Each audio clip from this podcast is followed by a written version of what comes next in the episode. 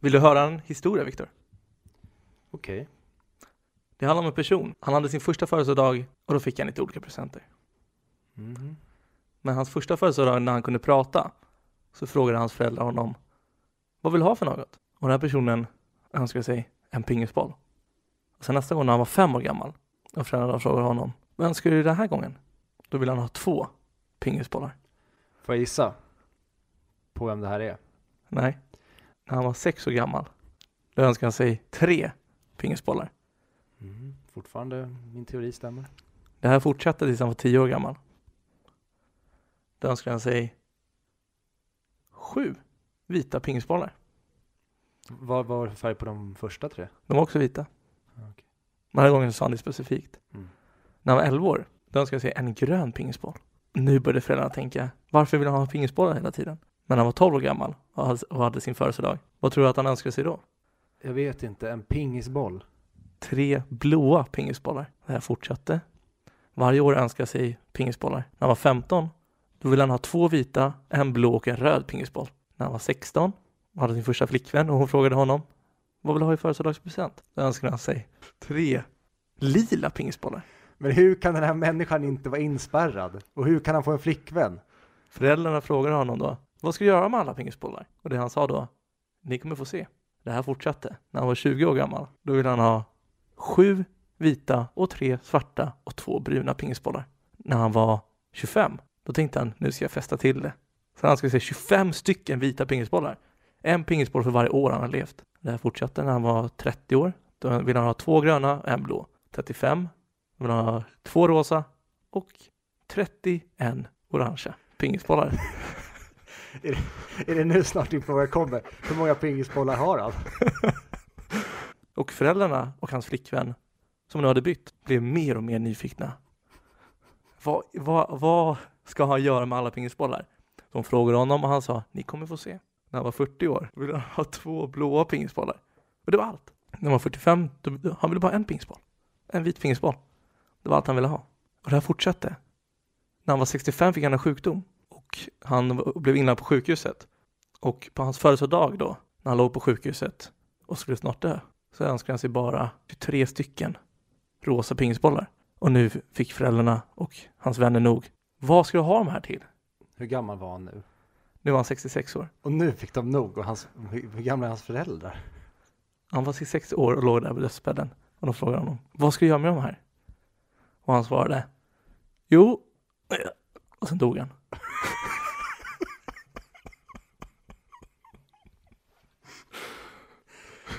Det var jag var rädd för. Fan.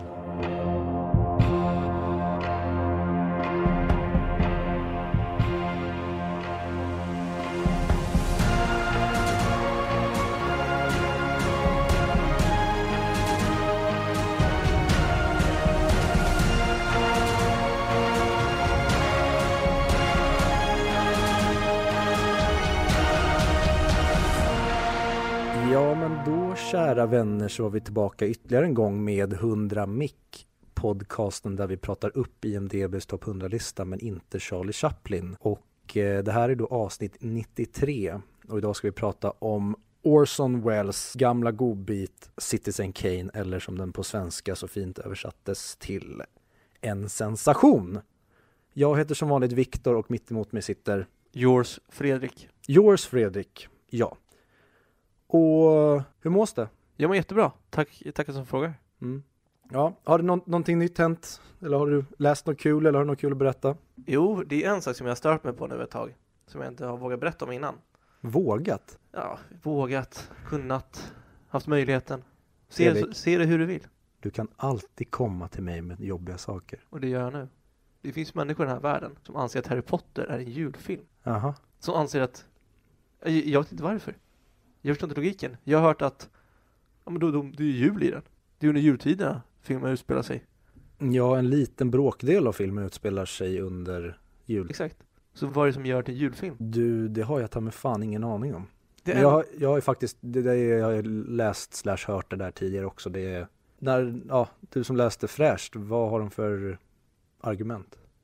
Det enda som jag kan tänka mig är att det är nostalgi med den. Var det en svensk artikel eller var det även så utanför Sverige? För i Sverige kan jag förstå, för då har vi ändå visat Harry Potter under jultiden i många år. Kanske blivit en jultradition och då kanske folk ser det som en julfilm på det sättet. Eller menar de att det är- en julfilm om julen? Det här är nya nyheter för mig, för jag hade ingen aning om att det fanns artiklar om det. Mhm. Har du läst artiklar om det? Nej, men jag har läst det. Sen Ja. vet jag inte om det var en artikel eller någon tweet eller vad fan det nu Jag var. har, sagt, jag har bara sett inlägg och jag har hört folk snacka. Ah, okej. Jag tycker det är absurt. Det, det, alltså, det är som att säga att, ja, att jakten skulle vara en julfilm. Det är det ju verkligen inte, tycker jag. Eller att vilken film som helst som pågår i över ett år är en julfilm. Men också jakten, det är kanske, för mig skulle jag säga att det är en julfilm. För att den börjar i november och slutar vid jul. Men det är inte definitionen på en julfilm skulle jag säga. Tycker du det?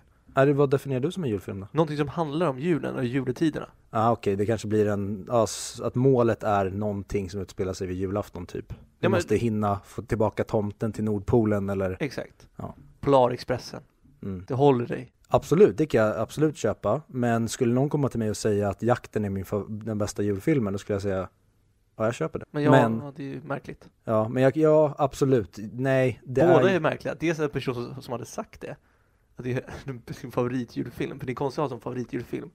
För man blir ju bara deprimerad av den. Och att du hade go- godkänt det. Eller köpt det. Vilket, åh, varför, var, det här är också jobbigt. Varför hänger vi kvar i julen? Jag gillar ju ändå att du tar upp ämnet men ska vi lämna julen och gå vidare och så ser vi inte den nu på ytterligare tio månader tills det är dags runt oktober där och börja julpynta igen. Låter bra.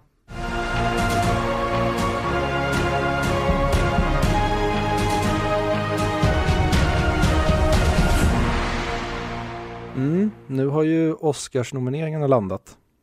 Har du sett dem? Oh ja. Någon grej du reagerar på? Är ingen som stack ut för mig när jag bara kollade snabbt. Det var väldigt lik eh, Golden Globes nomineringar. Mm, det, det brukar ju vara så att Golden Globes, sen kommer Baftan och Oscarna, de brukar vara hyfsat lika varandra. Så man brukar få ett hum om vilka som kommer bli Oscarsnominerade när Golden Globesen släpps. Typ. Jag har aldrig varit in- så intresserad av Oscars. För jag, jag tycker det känns för mycket marknadsföringsgrej. Mm. Att eh, de mutar och de eh, skapar nätverk och hjälper varandra. Eftersom om en film har gått bra eller dåligt oavsett. Om den får en, en eh, Oscarsnominering eller en Golden Globes vinst eller nominering.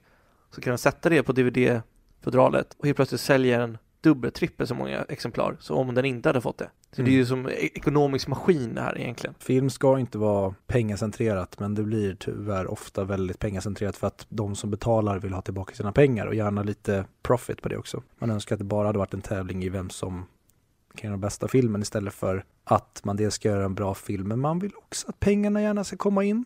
Helst pengarna ska komma in, sen kan det vara en bra film i andra hand. För poddens skull så kan vi vara de här godtrogna som eh, uppskattar att Oscar. Jag kollar ju Oscar varje år så att jag tycker att det är ett kul spektakel även fast jag aldrig bryr mig om vem som vinner för det är aldrig den, som du säger, det är aldrig den bästa filmen som varken är, eller aldrig. Oftast så är det mycket skit som är nominerat Mm. och som vinner. Men det är kul. Så att vi kan ju bara ta och prata lite om eh, nomineringar till att börja med. Det anmärkningsvärda är väl egentligen att eh, Joker tar hem 11 nomineringar. Så det är ballt. Sen har vi eh, Scorseses Irishman, Tarantinos Once upon a time in Hollywood och Sam Mendes eh, 1917 som alla får 10 nomineringar var. Och sen på ett litet hack ner så har vi Taika Waititis Jojo Rabbit, Greta Gerwigs Little Women och sydkoreanska succén Parasite av Bong Joon-ho på sex nomineringar. Vad, vad är egentligen rekordet på nomineringar och på vinster? Vinster så är det väl Ben Hur, Titanic och eh, Konungens återkomst som alla har tagit hem 11. Och nomineringar så tror jag att rekordet är 14 för det kommer jag ihåg att de pratade om när det var när La La Land var nominerad. Det var no La La Land, Men då borde väl Titanic också ha fått 14? mycket möjligt, jag har inte koll. Ja, i alla fall. Jag vet att La La Land fick 14 men det som är typ det mest anmärkningsvärda är ju att ehm, Return of the King blev nominerad till 11 och vann alla 11. Vilket aldrig någon film har gjort tidigare. Det är helt sinnessjukt. Det är faktiskt jävligt sjukt. Eh, men det var då. Så att eh, i år så är det då obviously lite andra filmer som är nominerade och jag tycker ju bara själv att jag älskar, eller har i alla fall kommit att älska Joker så jag är svinglad att den är nominerad i så många kategorier. Ehm, När var det senast en utländsk film, typ som Parasite, vann Oscars för bästa film? oh, jag har ingen aning. Jag har aldrig hört talas om Du det. menar att en eh, alltså icke engelskspråkig film vinner bästa film? Exakt. Nej, Ja, nej, jag har ingen aning faktiskt. Nej, för det känns bara som det är Hollywoodfilmen som vinner i vanliga Ja. fall. Off. Nej, men det är, det är några bara funderingar och tankar som jag har är också att eh, till exempel eh, Florence Pugh, tror jag hon uttalas, som spelar huvudrollen i Midsommar. Att hon inte nomineras för sin eh, insats i Midsommar är helt sjukt. Och sen så har vi eh, The Lighthouse som jag snackade om. Den fick visserligen en nominering för bästa foto, helt välförtjänt enligt mig. Men jag tycker också det är sjukt att varken Pattinson eller Willem Dafoe får en nominering för sina insatser. Men utöver det har jag inte så jättemycket att, eh, att klaga på egentligen. Jacqueline Phoenix är ju stor favorit till att ta hem för Arthur Fleck. Han gjorde i Joker. Ja, vem, vem kan konkurrera mot den egentligen? Vad har vi där för nomineringar? De som är nominerade för bästa manliga huvudroll är ju Antonio Banderas för filmen Pain and Glory. Den heter typ Dolor y någonting på för det är en spansktalande film. Eh, Leonardo DiCaprio för sin roll i Once upon a time in Hollywood, Adam Driver i Marriage Story, Jacqueline Phoenix i Joker och Jonathan Price i The Two Popes. Och jag tror egentligen inte att det är någon där som, nej, jag har svårt att se att någon egentligen ska konkurrera.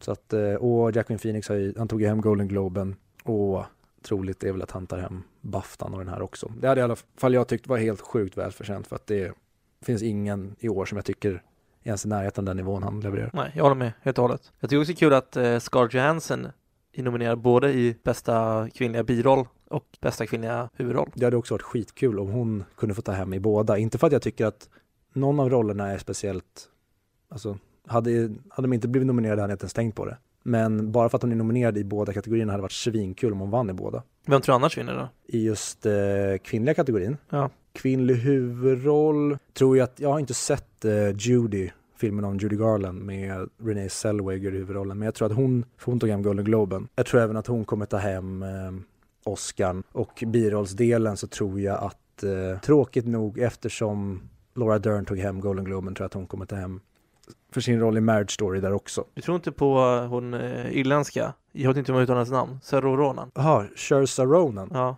Eh, jag har inte sett Little Women än så jag vet faktiskt inte. Men nej, hon har i alla fall inte varit uppe och För hon brukar vara väldigt bra. Ja, hon är alltid bra. Så Okej. det är, men en grej också som eh, Lupita Nyong'o, hon stod ju för en jävligt imponerande insats i filmen Us, kom ut i vår någon gång. Så den är lite märklig att den kanske inte är nominerad, speciellt när jag i alla fall inte tycker att det är ett jättestarkt år på kvinnliga sidan. Ja, det är just det, jag tycker det är konstigt, alltså framförallt att Florence Pugh inte är nominerad när det liksom inte är en, Men Florence Pugh är ju nominerad. Nej inte för sin roll i Midsommar, men hon är nominerad för sin Ah. roll i eh, Little Women. Okej. Och där samma sak. Där borde hon vara nominerad i båda kategorierna som Scarlett Johansson. Men eh, nej.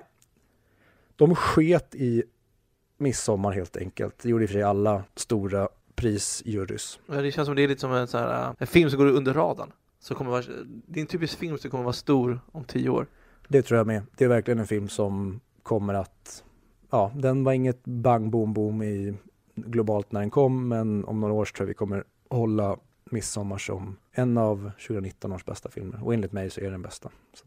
Bästa film är då Ford vs Ferrari, det är The Irishman, det är Jojo Rabbit, det är Joker, det är Little Women, det är Marriage Story, det är 1917, det är Once upon a time in Hollywood och det är Parasite. Och där tror ju jag att Parasite kommer att ta hem den. Men jag håller alla mina tum på Joker. Ja, det hade varit jättemäktigt. Som vi sa innan, när var det senast en utländsk film egentligen vann? Jag kan inte ens komma på någon utländsk film som, eller ingen, icke-engelskspråkig film som har eh, vunnit. Nej, för det är väl bara engelska och amerikanska filmer egentligen som i så fall har vunnit. Tror du? Jag har inte sett 1917 själv än. Men jag har, jag har sett den överallt nu när det kommer till massa awards och så vidare. Har du sett den? Nej, den har premiär nästa vecka.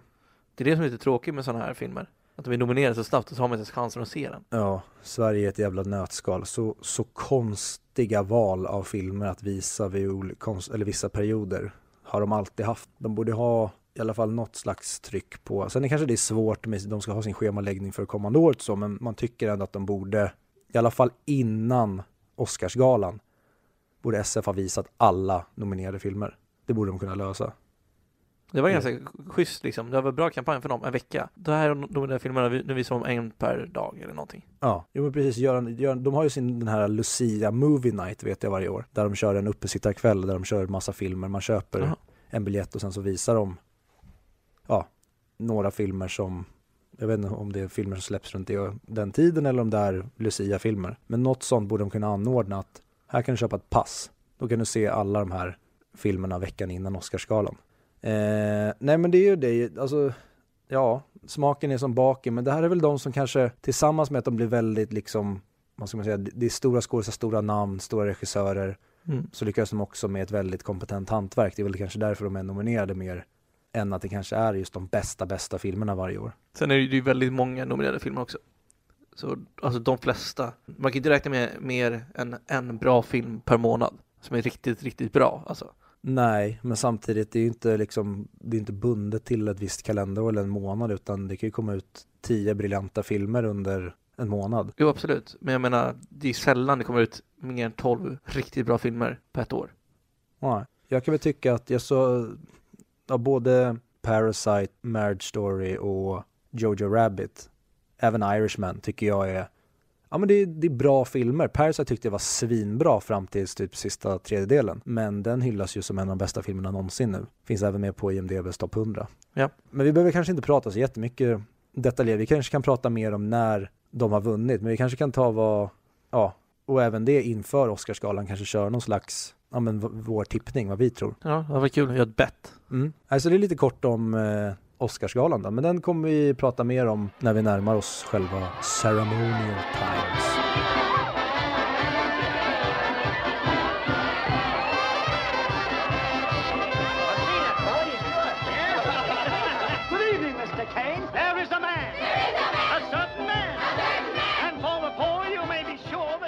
Jaha, då Friedrich, då var det dags att prata om eh, en sensation, eller som den egentligen heter, Citizen Kane. Den eh, 25-åriga då Orson Welles pärla från 1941 som han både producerade, skrev, regisserade och spelade huvudrollen i. Och det är helt sinnessjukt bara att börja där. Ja, 25 år. 25 bast. fan prestationsångesten körde upp i min hals nu. Ja, vi kan knappt göra en podd. Nej, vi får, knappt, vi får knappt ihop ett hemmasnickrat radioprogram och den här snubben gör en av tidernas mest hyllade filmer vid 25 års ålder. Och Ja. står för typ alla stora roller själv. Tror jag han hade dålig hybris efter han hade gjort filmen. Kanske? Jag tror inte det. Vet du varför? Nej. För den floppade ganska mycket när den kom ut. Ja. Men jag tänker, innan vi kommer in på Trivias och filmen och mer, kanske vi Mm. bara ska gå igenom snabbt. Vad, vad har mer gjort? Vad vet vi om Orson Welles? Vad vi vet om Orson Welles, han rankar, skulle du fråga mm, våra far och morföräldrar eller den generationen så skulle de nog säga att det är liksom, vad säger man, svårt att jämföra med någon idag, men en, en av de största är han ju genom alla tider och det var egentligen med Citizen Kane som Orson Welles blev en av vår tids största. Han, eh, ja, alltså egentligen var väl med i typ över hundra filmer. Men också innan han gjorde filmen så gjorde han ju, alltså så som jag fick höra talas om han först. Han gjorde ju Världarnas krig, radioprogrammet i USA som lurade en hel generation. Gjorde han? Mm. Mm.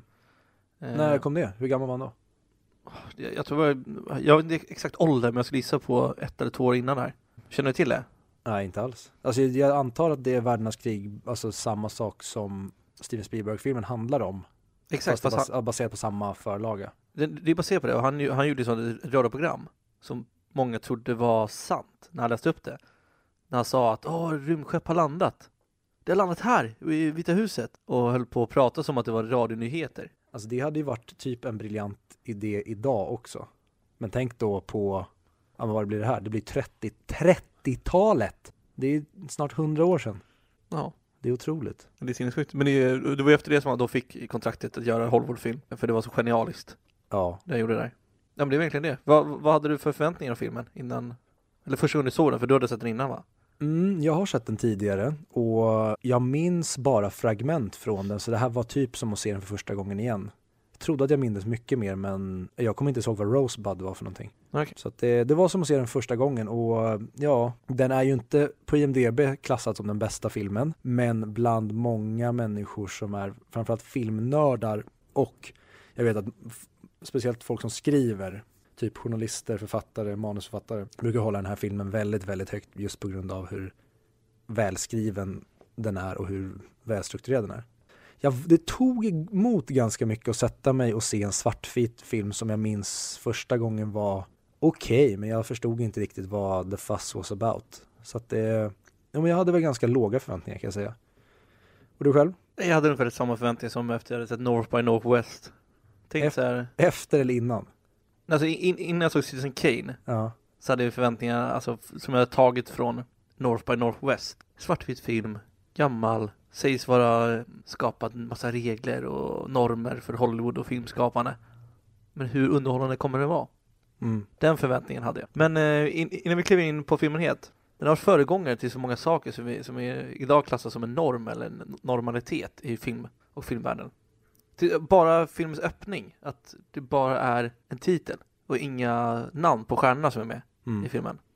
Det var helt, eh, helt sjukt att göra så där 1941. Men nu är det världens norm. För mig känns det som att 1941 det är så länge sedan att det känns som att, ja, det, ja, ja, oh, ja, det är nästan ogreppbart att man kan göra en film back då som fortfarande är aktuell idag. Alltså oavsett vad det skulle vara, samma sak med hans radioprogram. Hur kan en sån produkt funka idag? Men när man ser och läser om samma sak med gamla verk, kanske det är en, säm, en, en sämre jämförelse, men för att det inte har så mycket tekniskt som en film har.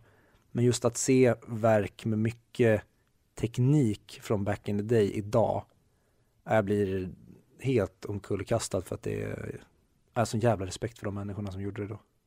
Absolut. Alltså, bara saken att när publiken som kollar när Kane i filmen håller tal, det är ju stillbild. Det tänkte inte jag på. Men eh, för det de har gjort att de har gjort hundratals med hål så att ljuset ska åka bakom. Så det ser ut som att det rör sig och skapa illusionen av rörelse Ja, i publiken.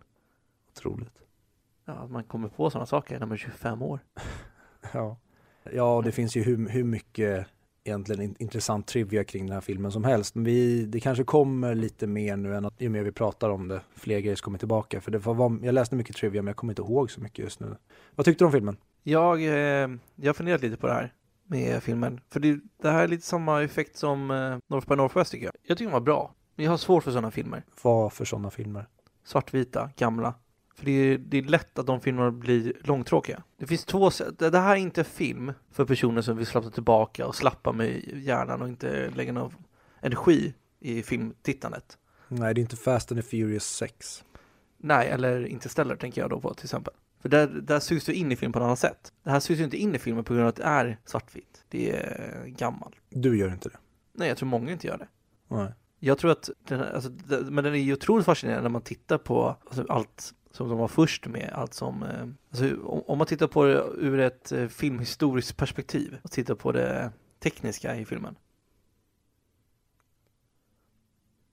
För det, Ja. det, det är ju fortfarande en bra story, det är ju det är en bra film, men att den är så gammal får en inte att sugas in i filmen på samma sätt. Tråkigt att höra. För jag tycker ju typ, kanske inte tvärtom, men jag blev väldigt förvånad när jag satte mig och såg den här att den har åldrats så sjukt jävla bra. Okej. Att jag tycker, även fast, ja som du säger, det är svartvitt, du kan säkert få tag på en färglagd version om du vill se en sån. Men du förstår, det är inte det som, Nej, jag skojar lite. Men att eh, du, att den, allting bara, musiken, hur du liksom, ja men 1941, hur du kan åka igenom saker med kameran. Så, va? Hur går det här till? Och bara strukturen, manuset, skådespelarinsatserna, att snabba, samma snubbe regisserar som spelar huvudrollen. Nej, den har så otroligt mycket bra den här filmen och jag är väldigt positivt överraskad nu när jag såg om den. ja men du- du stötte ju bara min, min eh, spaning. Att ur filmhistoriskt och så här, filmtekniskt perspektiv så är väldigt bra. För det var ju bara sådana saker du, du nämnde nu. Ja, alltså det är inte bara den delen utan jag tycker att de grejerna håller än idag. Ja, okej. Att så här, den fungerar som produkt idag. Det är inga fula green screens eller dåliga liksom stunts utan ja, jag tycker att praktiskt taget så håller, ja men det håller nog, jag skulle nog säga att den håller idag som film. Just det där med specialeffekterna, det var ju väldigt bra. Det håller jag med om.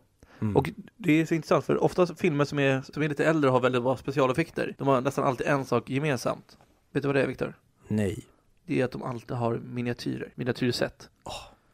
Jag tror att det är, visst är den scenen när kameran åker igenom grinden och sen, och sen igenom det regniga taket och. Nej, det, du tänker på hans exfrus eh, klubb. Den åker igenom skylten till det. Mm, exakt. och sen så går den ner genom, som du säger, glastaket. Om man anstränger sig så ser man att det här är miniatyrsätt. Ja, Men alltså annars, om man inte tänker på det så ser man inte alls. Då ser det bara magiskt ut. ja men det är så jävla snyggt hur de bara så här, okej, du kan lika gärna klippa in där. Sätta dem i, eller bara ha en, bild på skylten vart de befinner sig och sen klippa in i huset. Men de gör en åkning igenom fast materia. Ja, fantastiskt. Otroligt. Men vi kanske ska till att börja med säga vad, vad filmen handlar om, för det har vi inte kommit in på. Den handlar ju då om eh, Charlie Foster Kane som i ung ålder blir, ska man säga, såld, är väl, eller han blir ju såld. Hans föräldrar skickar iväg honom för att eh, tas hand om och få en eh, ordentlig och bra utbildning i utbyte mot att den här banken förvaltar föräldrarnas pengar. För föräldrarna har precis kommit över guld, som en del av the gold rush. Så att det, ja, och det är egentligen var filmens premiss. Och sen får vi egentligen följa Charlie Foster Kane genom hela hans liv från, eh, inte vaggan, men från barndomen till han dör helt enkelt. Men premissen är väl att de ska lista ut vad Rosebud betyder. Ja, det är ju egentligen drivkraften i, i det hela, men egentligen så är det ju en, en film om en mans liv.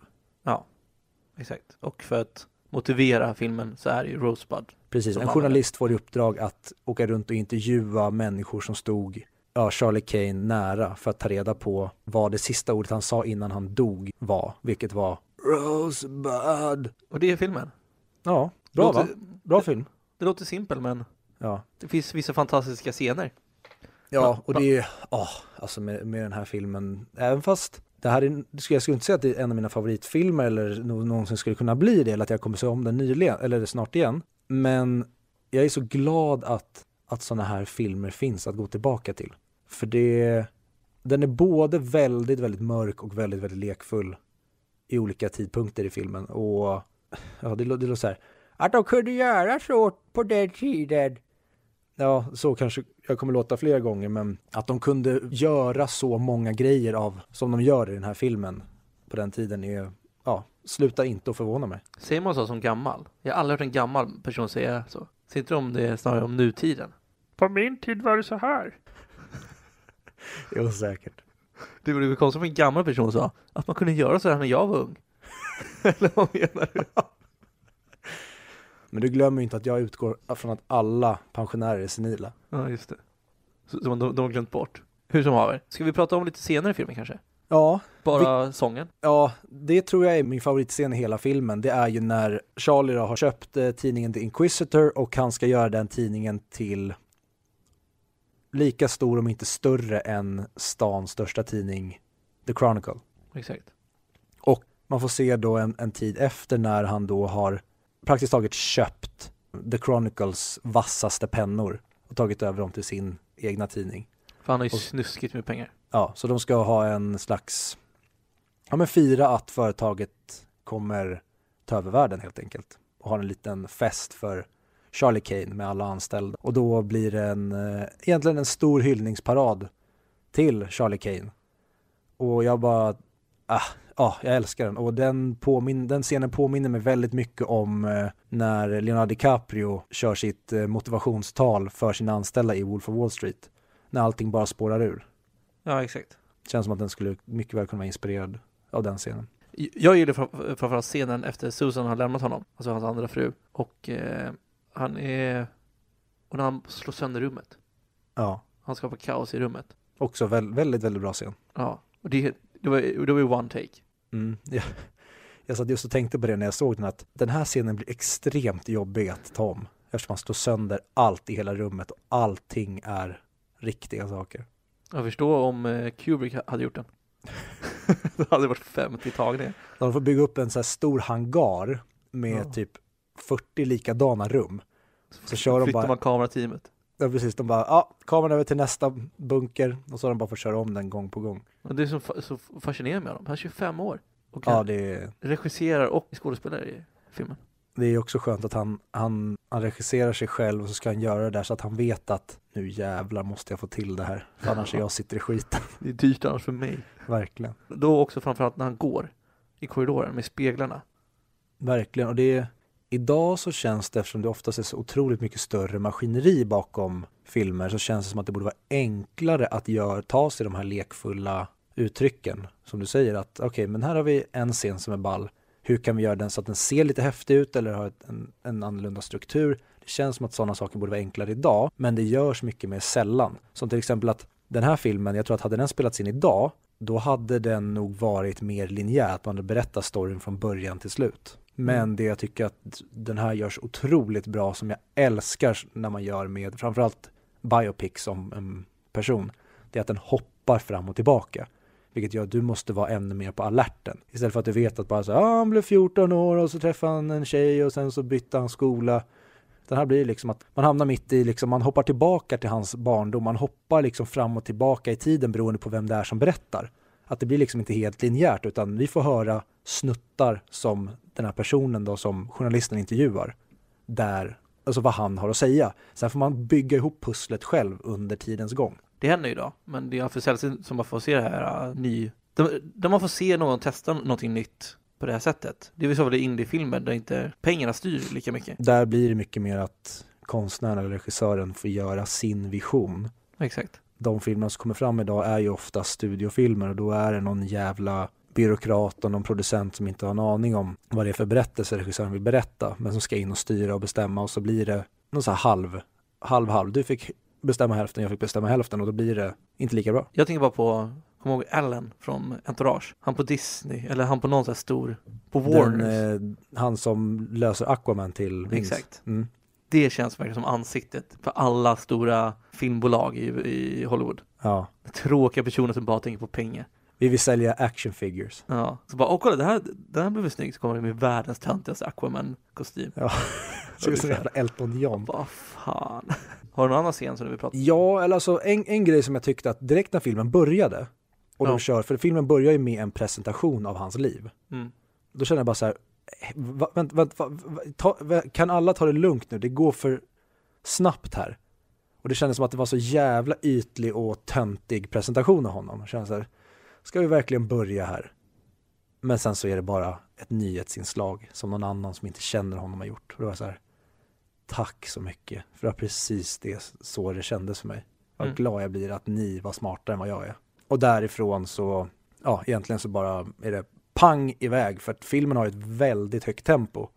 Och det tycker jag de presenterar så jävla bra i den här inledningspresentationen av honom. Det är verkligen bara, han gjorde det där, och sen han gjorde det där, och sen han gjorde det där. Och sen så bara helt plötsligt så, ja, vänta nu, jag är helt andfådd. Nu fick jag hela hans liv presenterat på 30 sekunder känns som, kan vi inte ta det här lite, lite mer utförligt? Och sen så får jag det ändå. Okay. Det tycker jag är en, en väldigt bra inledningsscen för den berättar tidigt vad, vad filmen kommer vara.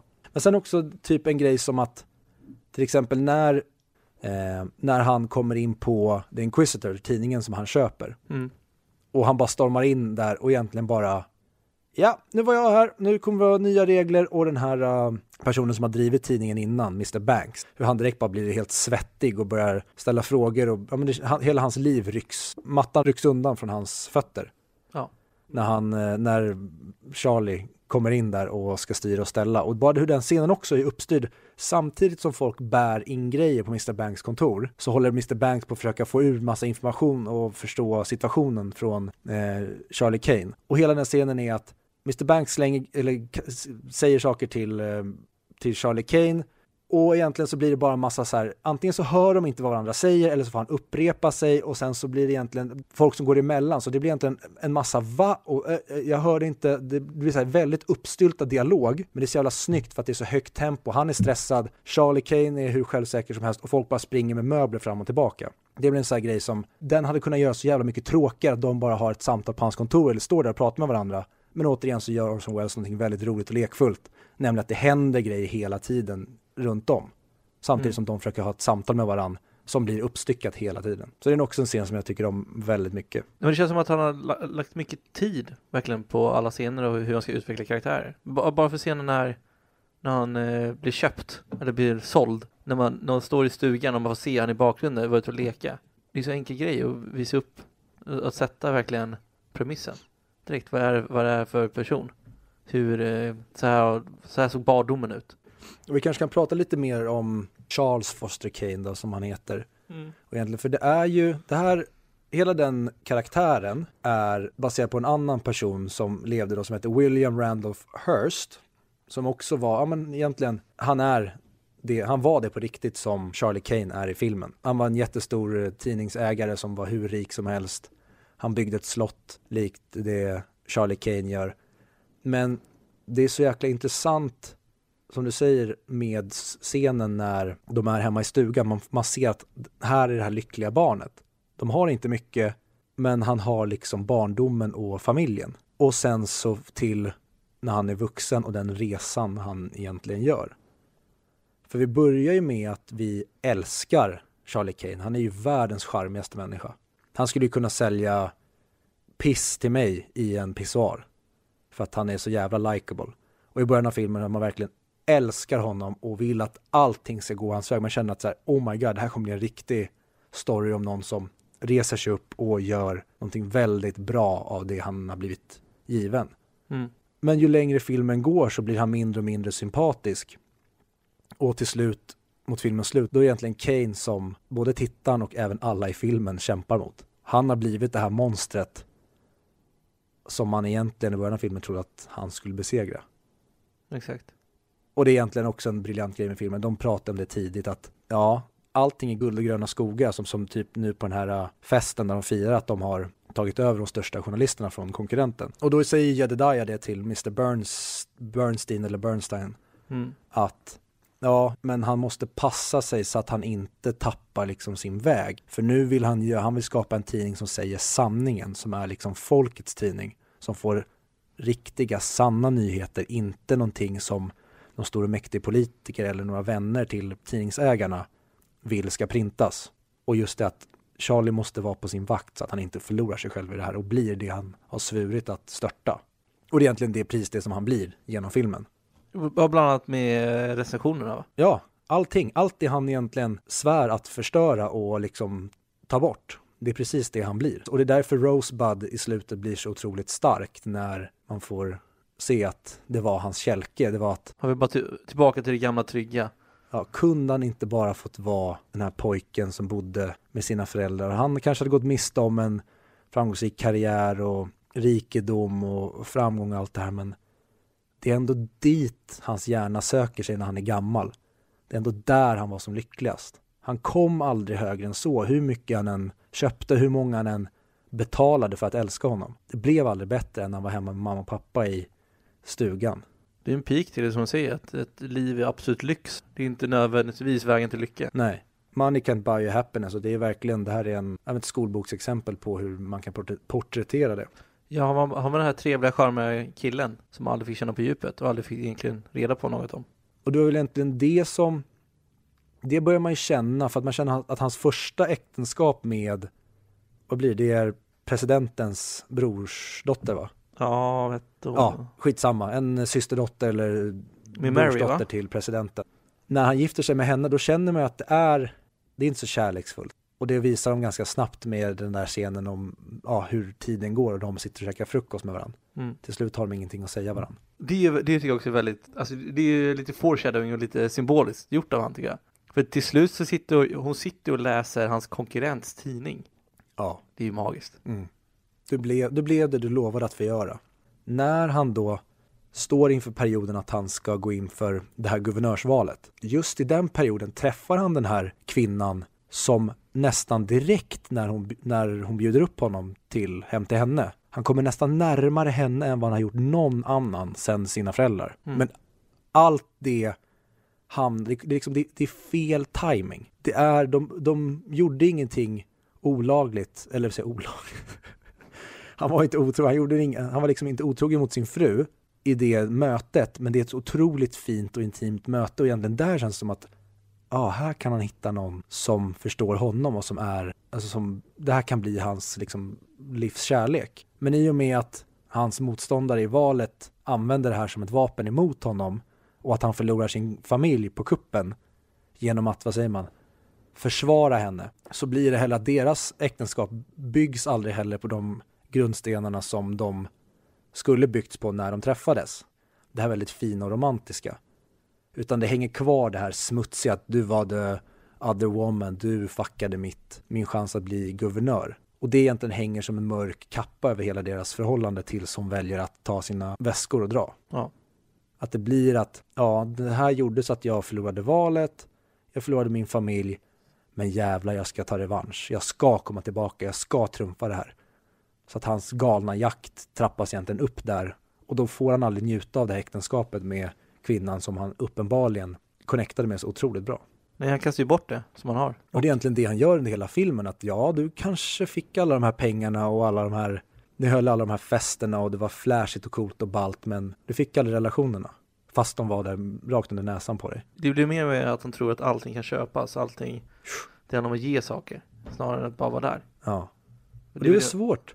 Alltså växer du upp med vetskapen om att du är hur mycket pengar som helst. Ja, du, och du fick så med vetskapen också att du, du blir såld som människa, som barn. Ja, jo. Det tillsammans med att du har alla pengar någonsin och du kan få vad du vill. Det är inte konstigt att han blir den här trasiga individen. Eh, Jag får ju parallell till eh, till och med H&M när de säger att det här trodde de var normalt, att leva så här som de Ja. gjorde där. Eftersom det- det är, så, det är så de blir uppväxta. Och då tänker jag att det är likadant med Charles Kane. Det är så Mm. han blir uppväxt, det är så här han tror att världen fungerar. Det här är en film som har vunnit den bästa filmen någonsin flera år i rad, flera årtionden i rad. Trots det så ligger den inte högre än på 94 plats på topp 100-listan. Så jag känner att vi måste ändå gå över lite till lite kritik till den här. Varför den- den inte är så älskad som den kanske bör vara. Eller vad man tycker. Jag tycker innan vi går över till vad folk har skrivit på internet. Har du någon kritik till den här? Någonting du har tänkt på? Den är svartvit och det är inte så jävla kul att playa en svartvit film. Det tar emot lite i alla fall för mig att sätta mig och se en svartvit film. Speciellt en svartvit film som inte är med vilje. Du menar The Lighthouse älskar du ju. Jo, precis. Och då, jo, men precis. då kan jag bortse från det om jag vet att det är en modern film som ska göra en take som att det vore en gammal film. Men det tar emot att, som du säger, att se en film som är tvungen. Det fanns inte färgfilm på den tiden. Och det gör att det tar emot lite extra. Men samtidigt, då blir det också, då sänker man förväntningarna då kan payoffen bli så otroligt mycket högre. Men vad har eh, folk gett för kritik? Om vi tar tre stjärnorna så fick jag ut lite här att, eh, att den var tråkig. Den var boring. Mhm. De förstod inte hur, hur kan det här vara röstad som nummer ett film, alltså någonsin av kriti- kritikerna.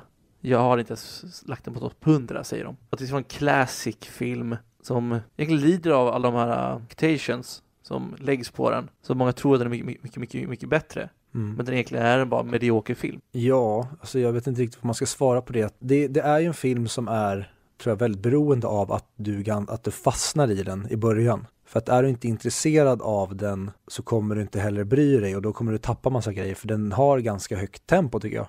Rakt igenom. Och det är mycket information och saker skrivs inte på näsan på dig utan du får faktiskt tänka och lägga ihop saker själv. Så att ja, jag kan förstå det att om du inte är högt från början och accepterar filmens tempo, då kan den vara tråkig och ointressant. Och det var ju som sagt tre stjärnorna och de brukar ju alltid vara lite absolut i sina åsikter. Men alltså, om vi går till fem stjärnorna så kan jag säga så här att eh, alltså, den hade väldigt bra skådespeleri, bra manus, bra väg och bra budskap att berätta. Men samma sak här tyckte den här personen att, som har försökt kolla på filmen till och med två gånger, att de kan inte ta sig förbi de 15 första minuterna. För de tycker att den är för långsam och för tråkig. Och jag förstår inte det, speciellt inte de första 15 minuterna. Jag förstår om man kanske tycker det ja, men mitt i filmen när den stundtals kanske tar någon paus i något av samtalen innan själva flashbacksen kommer igång. Men i början då tycker jag filmen har ett väldigt högt tempo. Tror inte jag att det kan vara nå- någonstans så här att man har hört så mycket om den här filmen, den har blivit refererad så många gånger, att på något sätt känns den familjär.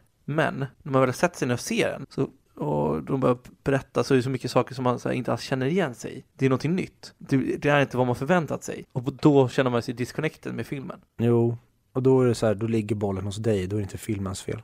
Nej, nej, nej, alltså det är inte bara hos mig heller, eller hos tittaren. Det kan ju vara att, på, att hypen har gjort den sämre.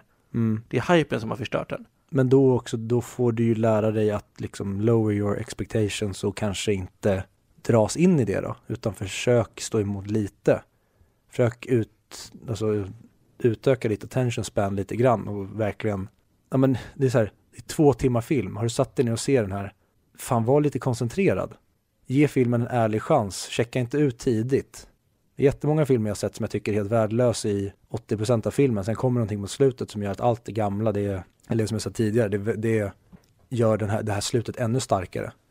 Och så, så tycker jag verkligen att det är, eller jag tycker att det är så med den här filmen att jo, det kan vara en tråkig presentation av en persons liv i början av att han var framgångsrik, bla bla bla. Men sen ju längre filmen går, ju mer av det mörka och det som fanns bakom fasaden får det. En till recension eller kommentar från en som har gett fem stjärnor Mm. av tio möjliga. Skriver att, lite det här som jag var inne på, att eh, dagens eh, gemene man som tittar på den här filmen kommer inte njuta av den. För i dagens standard så är den eh, väldigt överskattad. Och jag höll ju inte med om det. Nej, exakt. Men det, det tycker jag verkligen att den är också. Alltså om, om vi bara ska ta filmer som kommer ut idag kontra den här. Mm. Just med produktionen. Kanske inte med manus och så vidare, men just med produktionen och hur man läser upp sina lines och liknande. Men annars så är det ju bara hyllningar från den här, den här personen. Mm. Och den grejen du sa innan nu, där skulle jag vilja hävda tvärtom. Att den här filmen är uppe på en nivå som filmer idag inte är uppe på generellt. För att man har gått ifrån mycket av det som är så otroligt bra i Citizen Kane. Att den har satt väldigt mycket standard på filmer som har kommit efter och väldigt mycket men, tekniker och strukturmässiga grejer som har kommit och blivit standard efter det här. Men jag tycker att den är uppe på en nivå i ambition och hur den är utförd som de flesta filmer idag som kommer inte är. För idag känns det som att den här känns som att den är, det är ett hantverk. Den är gjort med, gjord med hjärta och och otroligt slit. Medan film, många filmer som kommer idag känns lite som att de liksom, de har ställt, kommit in med ena dojan bara. Men jag tror också att det här är en film som faktiskt är, som gynnas av spoilers. Kanske inte sista sista, för det är ju liksom det man väntar på hela filmen. Mm. vad Rosebuds betyder. Men jag tror verkligen att för att uppskatta den här filmen så tror jag att man uppskattar den mer om man får olika spoilers, vad som händer i filmen. Sen de som har gett sju poäng. Eh, bland annat är en från två- 2009 som jag läste tidigare idag. Så var det en som skrev att den här filmen låg på nummer 29 plats. Alltså plats 29, nummer 29 på EUNVs topp 100-lista. Jaha. Bara för, ja, bara för, det är 11 år sedan, det är så länge sedan. Det är helt sjukt om man tänker efter. Eh, vilket är intressant. Men sen är det också lite här, um, det är, det är många som berömmer den. Men de är också inne på det här um, att man måste se filmen för vad den är. Du måste se den en andra gång tror jag för att uppskatta den. Du måste Mm. se det som, det var den här, alltså som, en, som, som att du går på museum. Nästan. Att det var, det var så här, det var här modern filmskapande, många saker vi använder idag, det var här det började. Det var här det revolutionerade många saker. Och inte bara specialeffekter och så vidare. Utan alltså storylines, hur- man bygger upp scener och utvecklar karaktärer. Och eh, det är väl därför inte de heller har gett högre betyg då än sju. Eftersom de tycker att det finns, i deras skala finns det bättre filmer att bli underhållen på idag. Mm. Och det är, där, det är där du inte håller med. Det var ju, Jo, men jag kan köpa absolut. Men för mig så jag får ut så otroligt mycket mer av att se den här än, ja men ta, ny Transformers-film är väl kanske fel. ja men det, det känns som det går för hårt på andra. Alltså, då vill vi prata om andra bra filmer. Säg de som inte, som inte, som ligger bakom den här på 100-listan. Du menar att, att, att man hellre ser Snatch? Ja, till exempel. Ja. Jo, det, det kan jag absolut acceptera det, det beror på vad man är ute efter. För att det här skulle jag säga är ett gediget, en gedigen uppvisning i liksom filmmagi. Det här, om du liksom är, verkligen är en filmnörd som vill se hur man gör film på riktigt innan all den här tekniken och det kom. Alltså, ja, du hade kunnat göra den liksom samma typ av hantverk idag också, men det hade du inte fått se. Du hade liksom fuskat med effekter om det hade gjorts idag. Men här får du se hur, liksom, hur det gjordes back in the day och hur, alltså, hur de än idag typ inte når över den här nivån. Att det kom in den här som en stor jävla koloss och bara satt ett avtryck i historien för snart hundra år sedan. Och den är fortfarande filmen vi refererar till. Ja, men, visst, men det är där vi bedömer olika. För jag hade hellre sett Batman Begins som ligger under. Mm. Och blir, Jo, jag med. jag blir mer underhållen av den. Ja. Men av rent filmskaparens per- perspektiv så hade jag ju hellre sett Citizen Kane för att få förståelse för det. Och Mm. för att se hur det var då. Det beror på vad du är sugen på. Exakt. Eh, Och det, det är väl det de hävdar också då, som har gett sju stjärnor. Att förvänta dig inte att sitta framåt lutad i soffan och vara på spänn hela tiden. Utan sitt med typ, och vara fascinerad över, ja, ah, så här, så här såg Mm. det ut. Åh, oh, det här var ballt. För nu när vi pratar om det, vet du någonting, har, har den här filmen några movie babies eller någonting som har inspirerat? Har du något konkret eller? Vi kan väl ta typ alla filmer som har gjorts efter den här. Ja, typ. Nej, men den har ju satt alltså, otroligt mycket standarden i för filmskapande. Och det har vi redan sagt massa gånger. Mm. Men det var som till exempel när jag nämnde ja, scenen när, med dansarna och när de sjunger Charlie Kane-låten i Mm. filmen. Att jag ser så mycket The Wolf of Wall Street där när Jordan Belfort taggar igång sina säljare och det blir utbrutet liksom mayhem och fest på kontoret. Det känns som att det är liksom en, ja den är typ ja, men direkt inspirerad därifrån. att det nästan är den scenen Martin Scorsese har tänkt på när han har gjort Wolf of Wall Street-scenen. Ja, och det är ju det är för många filmer för att nämna. Ja men precis. Den, ja, men det här är liksom en, om, om man skulle ha ett, ett Mount Rushmore och så skulle du ha filmer istället för gamla amerikanska gubbjävlar i bergsväggen, då skulle den här filmen, eller Orson Welles ansikte skulle vara med som ett av dem. Ja. Så mycket har den präglat filmhistorien. Men eh, ska vi komma till slutklämmen? Vad tycker jag om den? Vilket betyg? Förtjänar det vara på topp 100? Eh, mm, jag sätter nog, eh, jag skulle sätta 9 av 10 på den. Så 4,5 av 5. Och ja, jag skulle nog sätta in den på min topp 100. Det är in, ingen favorit på något sätt. Ja, men kanske mellan 90 och 100 då. Bara för att jag vill ändå ha med den, men det är absolut ingen film som jag kommer gå till och försöka njuta av igen. Och det ska jag också lägga till att jag tänkte på det när jag satt och såg den här att gud vad jag hade velat se en modern tolkning av den här filmen. Jag hade gärna sett typ David Fincher eller eh, ja, men Scorsese också skulle kunna få göra den. Bara göra en modern Citizen Kane. För det hade varit, jag tror verkligen en film som hade varit så jävla ball och bara se en, alltså en mästare idag tolka. Med Leo i huvudrollen eller? Ja, men det hade ju varit för tråkigt val, men Ja. kanske vi inte ska sitta och... Han har ju varit Gatsby, Jordan Belford. Nej men precis, han har ju spelat även, vad heter han? Howard Hughes i eh, The Aviator, Mm, flygplanskonnässören. exakt. Ja men precis, han har spelat massa sådana här. Men det hade varit skitkul att se. Jag hade gärna kunnat se Leo göra den här. Så det, nej, men det var en, en tanke jag hade, att det hade varit skitkul. Sen, nej, det hade väl kanske inte blivit så bra då. Men det hade varit skitintressant att se en av mina favoritregissörer göra en ny tolkning. Så att, eh, 9 av 10. Ingen, jag sätter inte full poängare för att den når inte fram till mig hela vägen. Det kanske kommer göra om jag ser om den några gånger. Eh, 4,5 av Några 5. gånger i plural också. Jag har en förmåga av att filmer jag tycker väldigt mycket om Mm. de gillar jag att vara i. Så att jag brukar, typ en, en sån film, nu kommer den också komma ner på listan, men Interstellar är en sån film som den, den vill jag bara vara i när den Ja. kom. Det var bara så här, jag vill bara se om den gång på gång. Det var Ja. som eh, när jag såg eh, Avatar när jag var, när jag var yngre. Hade du så också? Ja, det, var, typ- det var första filmen jag såg två gånger på bio. Då kände du dig, jävla vilken nörd jag är. Jag? Ja, du kände dig så när du hade sett en film två gånger på bio. Ja, som är Avatar också. Som är, är Alien Pocahontas. Vad tycker du by the way om att nu verkar det ju snart bli dags för Avatar 2? Ja, Jag kommer ihåg det som att det var igår, hur taggad jag blev. Åh, det kommer en tvåa till Avatar! Gick jag runt och sa till människor. Är det den längsta teasern i världshistorien? Jo, kanske. Med att James Cameron har teasat, hur många, är det typ fyra uppföljare han ska göra till Avatar? Han har sagt det i alla fall. Ja, att han har lovat dem nu i, ja sen Avatar kom typ. Ja. Men han har varit på uh, djuphavssafari och typ utforskat eh, filmteknik.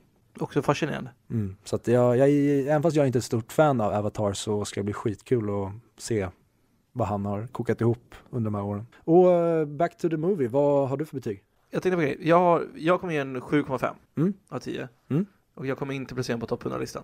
Det, är- det är det lägsta betyget jag satt på någon va? Jag gav inte läget till North by Northwest. Gjorde du det? Jag trodde du satt en åtta där. Jag satte 8 på den. Ja, jag för mig. Ja, då får jag ändra på den, för jag tycker den här är bättre än North by Northwest i alla fall. Ja, och det är också, nu blir det mycket så här, det också, men eh, det är verkligen en grej också som jag tänkte att jag hade sån otrolig respekt och tyckte det var ett jättebra hantverk när vi såg North by Northwest. Mm. Men nu med Citizen Kane färskt i skallen så är det så här, nej, du får nog ta ditt pick och pack och gå hem, North by Northwest, för den är, jag tycker inte den, de spelar på, i samma liga. Så Nej, det är inte heller, men om man får se, ja det är klart man måste, måste förändra betyg i efterhand, men jag sänker North by Northwest till 7,5 och sätter den här på 8 istället då. ja, jag skulle nog sätta, ja, jag skulle plocka, jag tror jag satte in North by Northwest på topp 100. Och mycket av, som vi sa det också, att den har satt mycket standard för filmer Exakt. som kommer efter.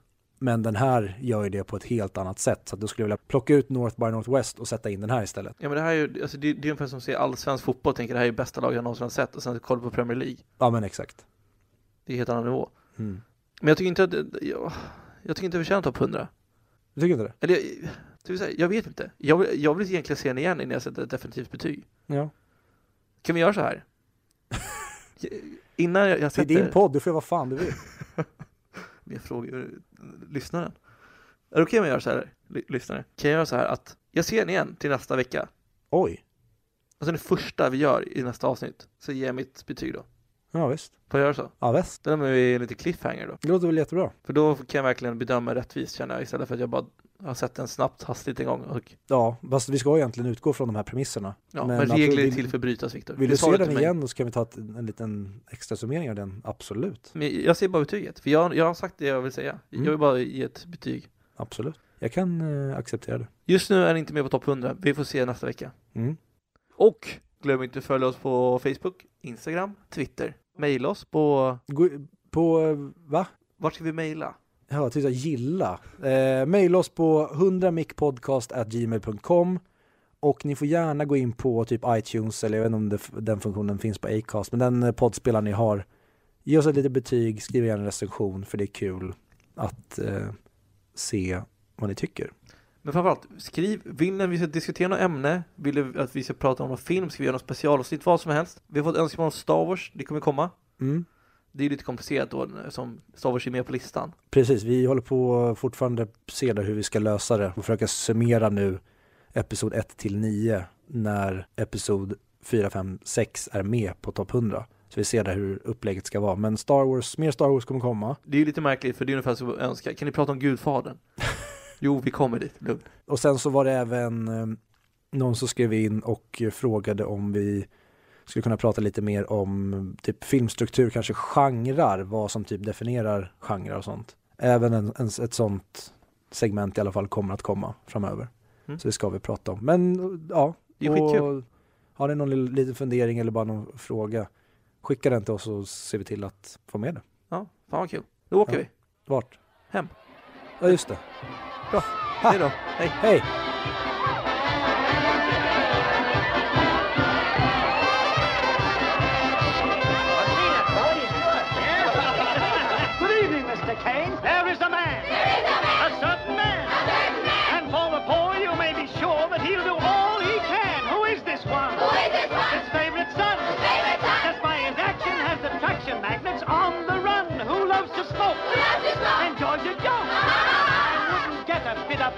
we were